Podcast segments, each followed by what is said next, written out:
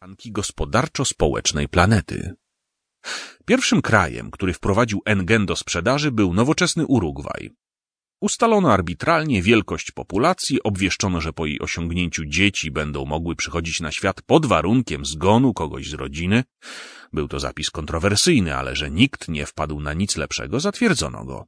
Zniesiono emerytury na rzecz wydłużonych okresów urlopowych i po kilku karczemnych awanturach w parlamencie ustawę klepnięto, a lek wprowadzono do użytku. Urugwaj stał się najbardziej obleganym krajem na świecie. Nie trwało to jednak długo, bo dwa miesiące później podobną ustawę uchwalił parlament holenderski, potem słoweński, szwajcarski, brazylijski i tak tsunami nieśmiertelności ogarnęło cały glob. Cały? No, nie, nie cały. Było wciąż kilka wysp, gdzie rządy nie mogły się dogadać z narodem, zbyt wiele bowiem miały do stracenia. Tak się działo w Katarze, Arabii Saudyjskiej, Sudanie, Syrii i Korei Północnej. Niejasna sytuacja była w RPA oraz Chinach. A już zupełny burdel panował w Polsce, bo w niej lewica kłóciła się z prawicą, lewacy z narodowcami, lesbijki z moherami, a geje ze skinami. Fala szła za falą, pyskówka za pyskówką i nic nie wskazywało na to, że ktokolwiek z kimkolwiek się dogada.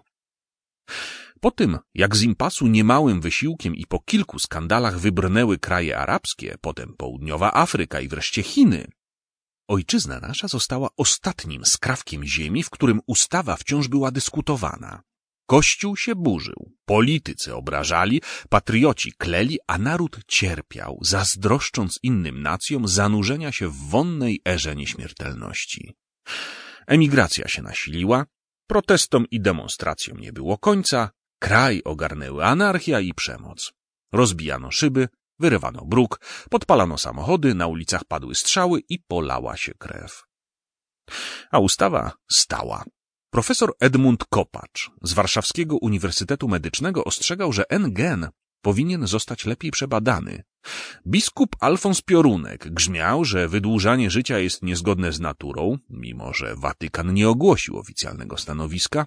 Środowiska prawicowe z Hansem Kurwinem Makiem na czele utożsamiały erę nieśmiertelności z Armagedonem i tylko słabe lewica usiłowała przekonać naród, że to nie antychryst i nie koniec świata, ale świetlana przyszłość czeka nasz kraj i okolice także.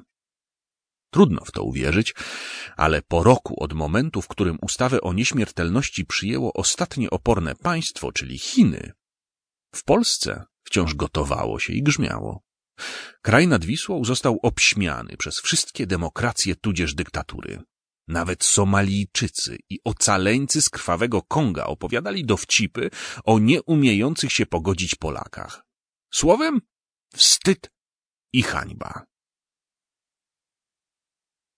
Incydentem, który zwiastował koniec znanego świata, była tajemnicza choroba papieża Hildebranta II. W maju 2041 roku biskup Rzymu przestał się pojawiać na oficjalnych spotkaniach, a jego osobisty lekarz Mario Visconti, zapytany o przyczynę absencji, oświadczył papież cierpi na grypę układu pokarmowego.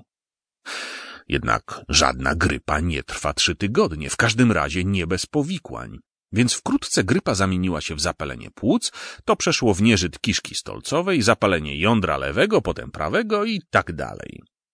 Tajemniczości tej historii dodawał fakt, że Hildebrand oraz jego lekarz wzbraniali się przed wizytami innych medyków i nie zgadzali na hospitalizację.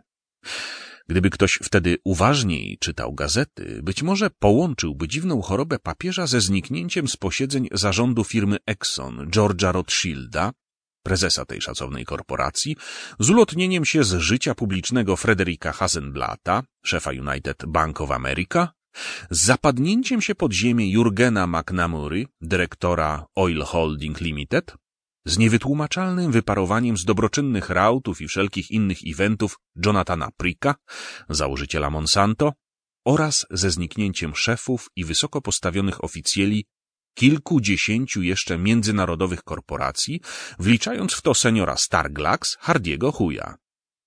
Prezesi przestali oficjalnie bywać, a przyczyną była uparcie trzymana w tajemnicy dolegliwość.